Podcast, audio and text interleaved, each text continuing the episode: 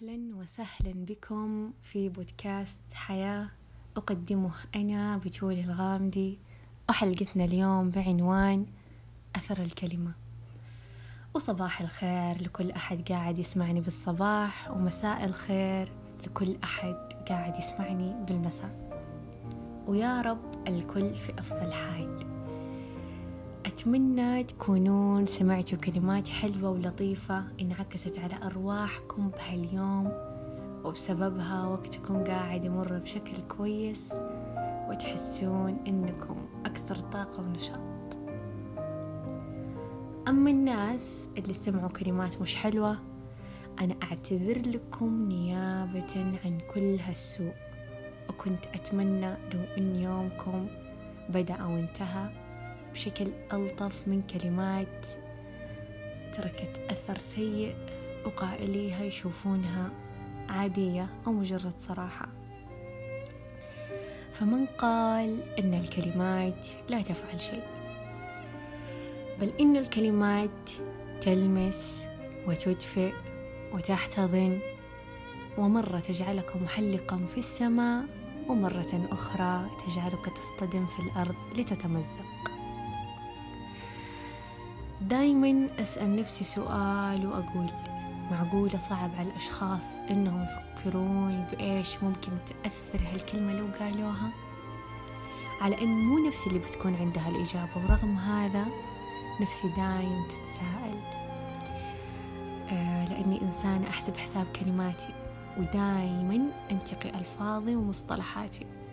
ولو مرني شعور إن كلماتي اللي بقولها بتنفهم بشكل خطأ أو بتترك أثر معاكس. عن المقصود فإني أفضل الصمت. يعني أصمت في آخر جزء من الثانية المطقة. أفضل إني أمر وأمشي بدون ما أخلي وراي أثر كلمات مش حلو. حتى لو كان ضروري ومهم إني أتكلم سواء كان لقريب أو غريب. أنا بطبيعتي دايما أفكر أفكر في اللي بيصير وإيش حيصير لو صار. أفكر في الأشياء اللي ما حتصير وإيش حيصير لو صارت فعلا. عرفتوا كيف؟ حمى تفكير يعني. ونفس هالمجرى من التفكير ينطبق على كلماتي قبل ما أقولها. يعني بكل بساطة لأن العقل البشري خلق عشان يفكر ويتفكر. فمن هالمنبر أنا حابة أذكر لكم موقف من بعض المواقف حصلت لي مع أثر الكلمة. وبرجع بالزمن لورا لما كنت بصف سادس وكان عمري 12 سنة. كنت دايما بحصص الفراغ أجلس أرسم وكانوا أصدقائي بالفصل ينبهرون بالحاجات اللي كنت أرسمها وكان يشهد على هالشيء معلمات التربية الفنية وكل معلمات مدرستي وكل البنات اللي كنت أعرفهم. كانوا دايما يكررون علي جملة أنت بتصيرين فنانة عظيمة لين تخرجت من الثانوي من نفس المدرسة وعلى أيادي نفس المعلمات وفي طول رحلتي الدراسية وأنا أسمع هالجملة بكل حصة فنية وبكل مسابقة رسم بالمدرسة شاركت فيها. فكانت تأثر فيني مرة لدرجة إن من صف سادس ولين اليوم صار لي سنتين من تخرجت من الجامعة وأنا أحاول أبني وأكبر وأطور من الفنان اللي جواتي. عشان أصير شيء عظيم. ودايما دايما ما تمرني أصواتهم لو انقطعت فترة عن الرسم. أحس إني أسمعهم جواتي. فجملتهم تركت فيني إني بكبر أنا وفني لين أصير من أفضل الفنانين عرفتوا؟ يعني شايفين قد إيش الكلمات فعلا تترك أثر مو هين تترك أثر طويل المدى ويمر بين اللحظة واللحظة. سواء كانت الكلمات حلوة أو سيئة. وبس. طبعا بعد ما سمعتكم واحدة من مئات القصص اللي حصلت لي مع أثر الكلمة أعطيت المجال لأشخاص أقوياء يسمعون مواقفهم مع أثر الكلمة ويزيدون الحلقة حياة. فأترككم مع أصواتهم.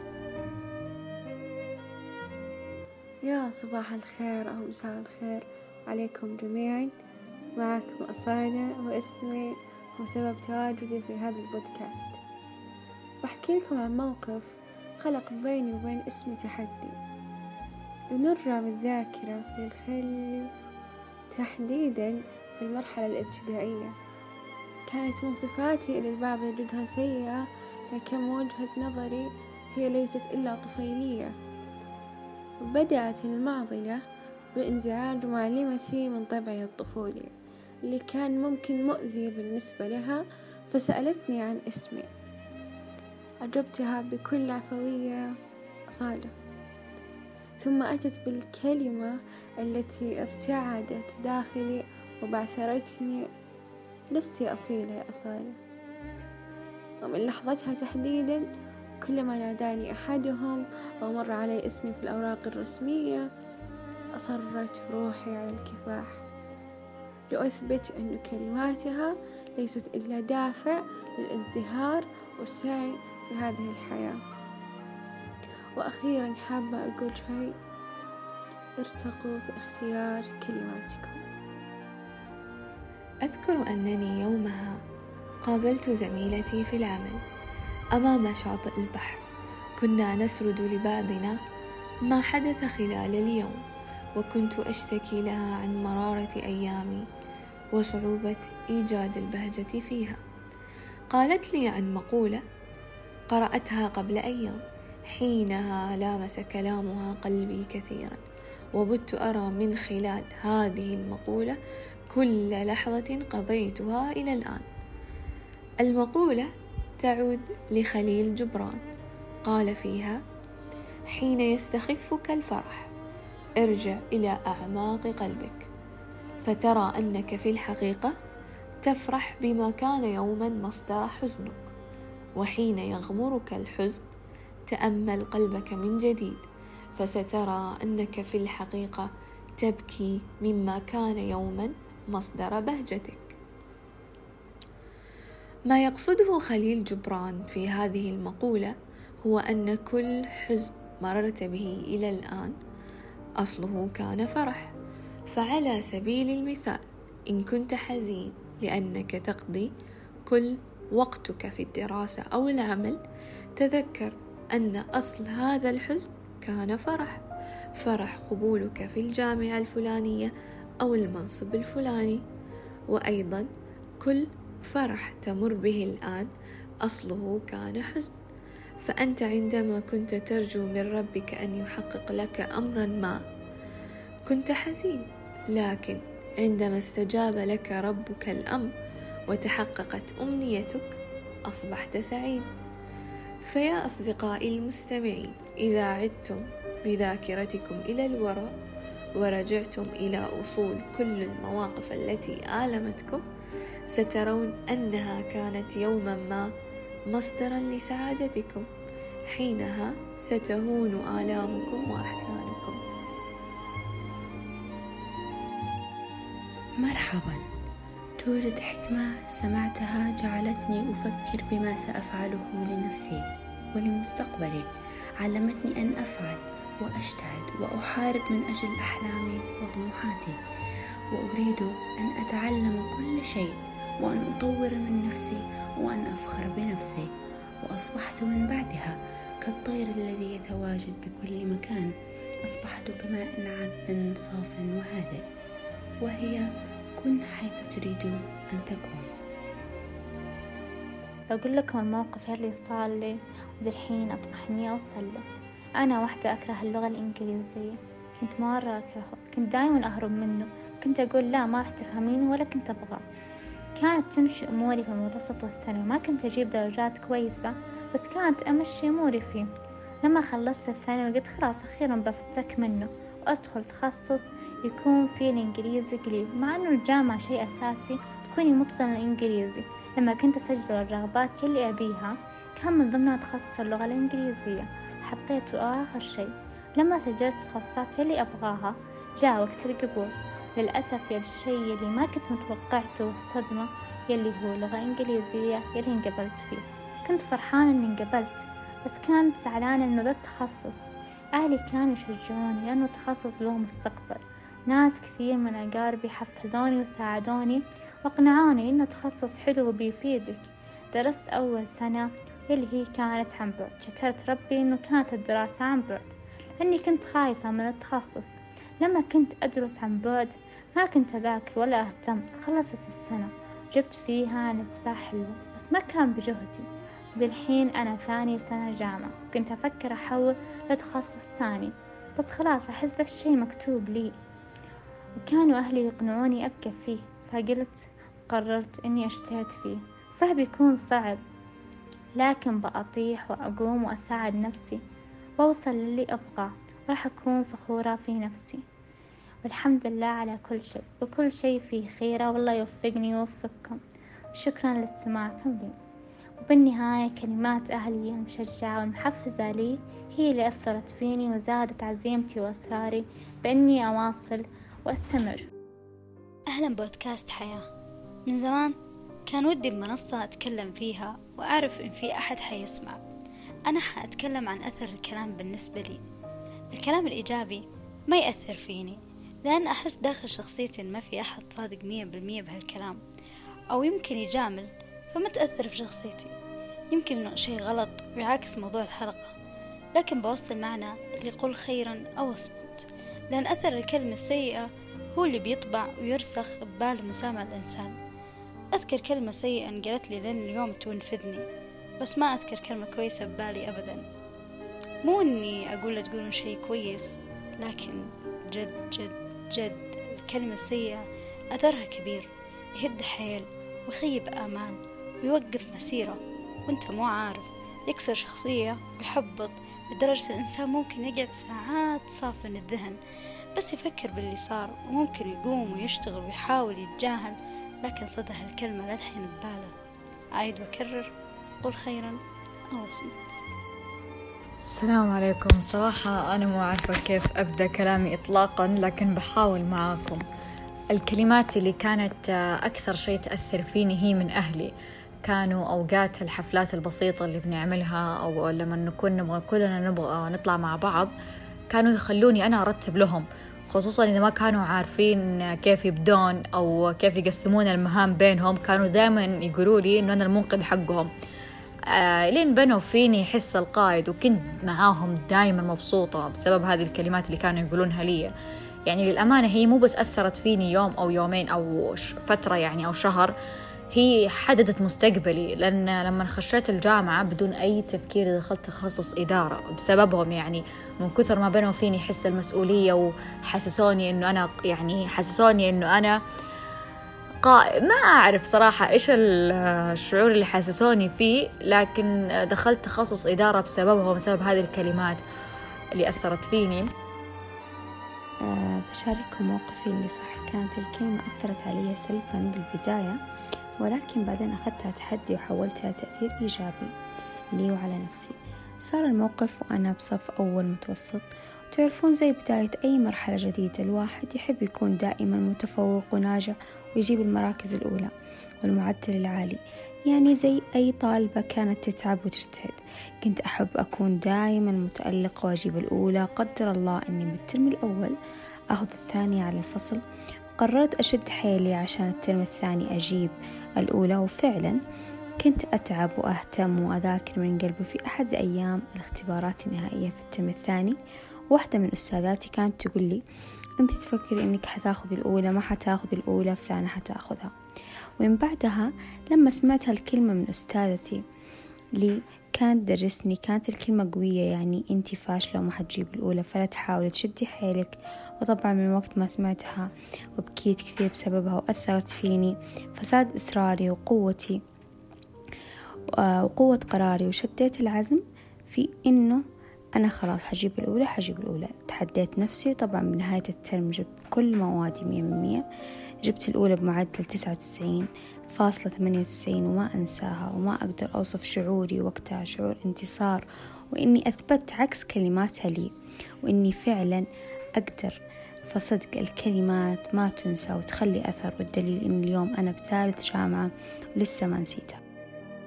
قبل فترة وجيزة من الآن اتخذت خطوة لم أستطع حسم القرار فيها. كان الاختيار صعب. كان أشبه بالثقل الكبير على الكاهل. ثقل كبير لا يمكن إزاحته وكان يجب علي أن أرسي على بر وأختار المناسب. بينما أني قد قبلت في التخصص الذي كنت أرغب فيه بشدة خلال فترة التسجيل بعدها بأسابيع يعاد فتح تغيير التخصصات. بداية الأمر لم أكن مهتمة لكن من باب الفضول دخلت وتصفحت التخصصات الشاغرة المفتوحة. لفتني التخصص الذي كان تبعا لتخصصي الذي قبلت به في ترتيب رغباتي. أنه ما زال متاحا لي. كنت مولعة بالقسمين لكن أنا ما رأيته جذبت. شعرت بأن يجب علي إعادة التفكير إعادة حزم الأمور والنظر بما يناسب منها. مررت بشعور لا أجزم أن الجميع مر به لكني لن أستطيع نسيانه مدى ما حييت. كان صعب صعب بكل ما تحمله الكلمة من معاني. أريد هذا وأريد هذا ولا أعلم الحيرة إلى أي حد ستتمادى. وكان حاسمها بيت لصفي الدين الحلي. قررت من بعده اختياري دون أي تردد. كان يتضمن لا يمتطي المجد من لم يركب الخطر ولا ينال العلا من قدم الحذر. لا أعلم قيلت في أي مناسبة أو قيلت لأي سبب. لكنها ساعدتني في حسم الأمر. معانيها أثرت بنفسي. كأنها مسكت بيدي وساعدتني لأخطي الخطوة التي أرهقني التفكير فيها. أنا أمل. أبلغ من العمر اثنان وعشرين ربيعا. أنا لست كاتبة ولكنني أجيد وصف شعوري بعمق. قرأت ذات مرة اقتباس وأشعر أنه لامسني بشدة وهو مشكلتي هي التفاصيل. أنا لا أجيز تجاهل التفاصيل. كلمة واحدة في حديث طويل تجعلني حزينة. ذكرى قاتلة تعبر في بالي تغير مزاجي لعدة أيام. التفاصيل الصغيرة تقتلني بشدة. ذلك هو الاقتباس. لم يكن موضوع الحلقة هو التفاصيل ولكن أنا أؤمن بأن الصغائر أشد وقعا من ألف كبيرة. ربما موقف ربما كلمة. لم تغير شيء في نفس اللحظة ولكنها صنعت إنسان جديد في لحظة أخرى. الكلمة لها وزنها حتى وإن كانت عابرة.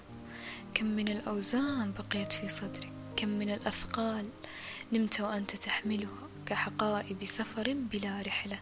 لن تجد منها أي منفعة ولكنها ستظل كحمل لا ينتهي. أردت أن أذكر عدة مواقف كانت الكلمة فيها سيدة الموقف ولكنني شعرت بقليل من الحرج لأنها كلمات تخدش رقة قلبي فلا أريدها أن تخدش صفة قلوبكم.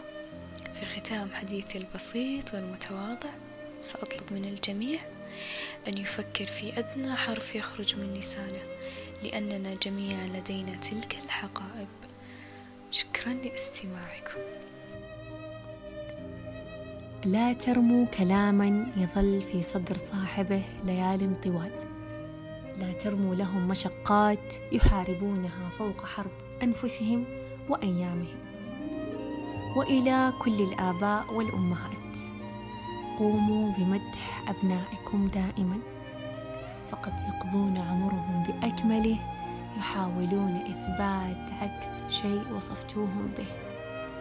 فضرب العصا مؤلم ساعة وضرب اللسان طويل الألم. فمن بعض قراءاتي ومشاهداتي المختلفة بالحياة شاهدت فيديو لمحمد القحطاني الحائز على المركز الأول في بطولة العالم للخطابة والإلقاء Toastmasters 2015 من بين 30 ألف مشترك من 100 دولة مختلفة. وبعد ما بدأ اللقاء وتحدث قليلا قال الكلمة عندما تقال بالطريقة الصحيحة. قد تغير تفكير شخص ما ويمكنها قلب ما يؤمن به. فإن لديكم القدرة على الارتقاء بشخص من الحضيض وصناعة شخص ناجح منه أو تدمير سعادة آخر باستخدام الكلمات فقط. وتساءل قائلا هل تظنون أن ما أقوله مبالغة؟ صمت قليلا وبعد ذلك تحدث فقال إن تغيير طفيف في اختياركم لكلامكم قد يعني الفرق بين أن يقبل شخص رسالتك أو يرفضها. آه قد يكون لديك شيء جميل تريد قوله ولكن استخدامك الكلمة الخاطئة سيفسده. الكلمة لها قوة الكلمة هي قوتنا. الكلمة قد تكون قوتك. قد تغير حياة وتلهم أمة وتجعل هذا العالم مكانا أفضل. وأنها فمك قد ينفث سما أو قد يجبر روحا مكسورة. طال الحديث وتكلم وذكر مواقف كثيرة بس أنا ما أخذت إلا هذه الجزئية. آه لأنها تناسب موضوع حلقتي فحبيت تكون موجودة. وعلماء النفس يؤكدون أن الكلمات الجارحة سميت جارحة لأنها تسبب جروحا حقيقية في الدماغ وتميت عدة خلايا أو تتلف عملها مسببة نوعا من العطل في التفكير. عشان كذا يعاني الشخص المجروح آلام نفسية وشعور سلبي وإحباط. مو بس كذا إلا كثير ما يتحول الشخص المجروح إلى شخص غير منتج. يعني متخيلين؟ متخيلين إن حتى العلماء علماء النفس أثبتوا إن كلمة كلمة واحدة بس تسبب كل هالفوضى في شخص يسعى على هالكرة الأرضية. وأنت تقولها بكل راحة بال وبدون مبالاة. عشان كذا يشوفون إن الكلمة الحلوة لها تأثير السحر. مو بس على المستوى النفسي والمعنوي كمان تؤثر على المستوى الصحي والجسمي. فالكلمة الطيبة تؤثر على الروح المعنوية للإنسان وتخليه منشرح الصدر فرحا سمحا مبتهجا قادرا على مصالحة نفسه ومصالحة الآخرين. ابقوا دائما لطفاء. انتقوا ألفاظكم واستخدموا الكلمات اللينة. والله نعمة يعني أحس كثير يفتقدها. أنا أشوف اختيار الكلمات اللينة والرحيمة اللطيفة فيما بيننا آه نعمة. واللي ما يمتلك هالشي فهو فاقد نعمة عظيمة. فابنوا ابنوا هذا الشيء فيكم وجواتكم وابنوه في أطفالكم. يعني لو أنت أو أنت أخوة كبار ابنوه في أخوانكم الصغار لو أنت أو أنت عم وعمة أو خال وخالة ابنوه في أطفالكم ولو أنت أم ابنيه في أطفالك ودائما قولوا لهم كلمات حلوة وأغرسوا فيهم كلمات عكس اللي يسمعونها سواء بالأماكن العامة أو من المدرسة أو من أصحابهم. لا تسمحون لها تأثر عليهم خصوصا الأطفال لأنهم ما ينسون والله العظيم ما ينسون. الكلمات الكلمات وتأثيرها يبقى يبقى لين الإنسان يكبر. زي ما أنتم شايفين حتى بعض الأشخاص اللي شاركوا معاي شوفوا قديش الكلمات تاركة فيهم أثر من سنوات بعيدة مضت. هم قلة قليلة فما بالكم بالناس الثانيين واللي حولنا. فما في أحسن وأرق على نفس الإنسان من اللين واللطف على بعض. فخلونا دايما نكون كذا بين بعض. وطبعا قاعد أقول هالجزء ارتجالا ما رتبت له أبدا بس حسيت قبل أختم جاب خاطري وأكيد إني ما بخليه وقلته. وأخيرا وكالعادة شاكرة وممتنة لكل أحد وصل لين نهاية الحلقة واسمعها بكل حب وبدون ملل. شكرا على وقتكم وعلى استماعكم. أتمنى لكم يوم سعيد يخلي أرواحكم رحبة وصدوركم من شرحه